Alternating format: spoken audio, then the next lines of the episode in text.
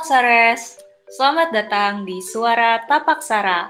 Bersama aku, Ari Latifah, dalam segmen Ngobrol Bareng Aksares. Judulnya aja ngobrol bareng, jadi aku bakal ngobrol bareng salah satu Aksares, yaitu Kamu Tiara Dewi. Halo Kamu Tiara Dewi. Halo Ari, salam kenal. Hai, boleh nih Kak, uh, kenalan dulu ke para pendengar suara tapak sara di luar sana? Halo Aksares, kenalkan nama aku Mutira Dewi, biasa dipanggil Muti atau MD. Nah, di sini insya Allah aku menjadi guest pertama dalam suara tapak sara. Eh, senang banget nih ada KMD di sini. Nah, buat yang belum tahu, KMD ini merupakan Project Director Tapak Sara. Dari tadi kita sebut Tapak Sara. Nah, mungkin banyak pendengar baru kita nih yang penasaran apa itu tapak sara dan apa tujuan dibentuknya tapak sara. Nah, boleh nih KMD memperkenalkan seperti apa itu tapak sara. Tapak Sara sendiri sih berawal dari keresahan aku yang cukup suka baca, tapi kayak sayang banget nih kalau misalkan apa yang aku baca cuma dinikmatin sendirian. Padahal banyak dari isi buku itu yang cukup relate dengan kehidupan kita sebagai generasi muda, yang bisa jadi guide dalam kehidupan sehari-hari. Nah, dari yang aku baca juga, mayoritas milenial itu lebih suka menghabiskan waktu di depan gadget daripada membaca buku dan juga lebih suka visual dibanding kata-kata. Nah, dari latar belakang itu akhirnya terpikirkanlah untuk membentuk tapak sara supaya menarik lebih banyak orang untuk lebih suka baca. Luar biasa sekali ya. Jadi sangat menginspirasi dari keresahan bisa melahirkan sebuah komunitas literasi Indonesia. Nah, jadi tadi uh, salah satu tujuan dari tapak sara ini juga untuk meningkatkan minat baca di Indonesia, betul ya kak? Iya betul Ari. Oke, ngomong-ngomong soal baca nih, cocok banget sama topik yang akan kita obrolin di episode kali ini, yaitu tipe pembaca seperti apa kamu?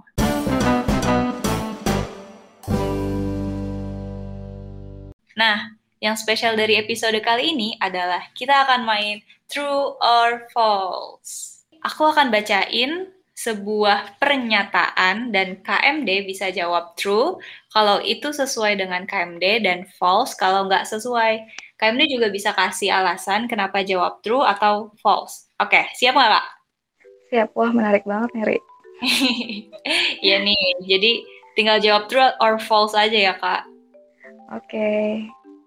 True or false? KMD hobi membaca sejak kecil. False. Ya, jadi gimana tuh Kak yang benar? Ah ya, jadi sebenarnya aku baru suka baca saat SMA sih. Jadi waktu itu nggak sengaja ke Islamic Book Fair. Nah, di situ nemu satu buku yang menarik banget, judulnya I Have a Dream, karyanya Arif Rahmat Lubis. Nah, buku itu tuh mengubah perspektif aku banget tentang impian, yang tadinya aku nggak percaya bahwa orang yang biasa aja tuh bisa bermimpi.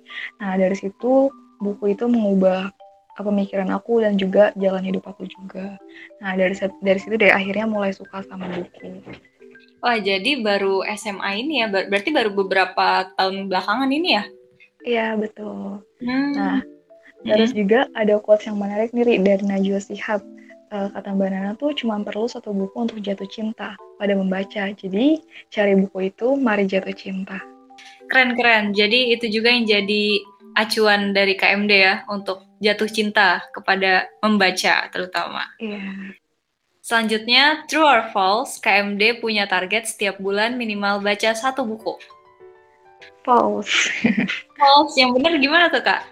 Iya, jadi sebenarnya aku sendiri nargetin minimal baca dua buku per bulan karena aku mengibaratkan manusia itu seperti handphone. Jadi kalau misalkan handphone aja perlu energi untuk bisa hidup nah kita pun juga nah salah satu energi itu bisa aku dapetin dari baca buku jadi baca buku tuh ibaratnya bisa ngasih mencari semangat aku selama dua, dua minggu ke depan dan juga kalau misalkan kita lihat nih dari profil orang-orang sukses kayak Bill Gates itu bisa baca 50 buku per tahun. Nah, yang Habibie juga bisa menghabiskan 7,5 jam nih per hari buat baca buku.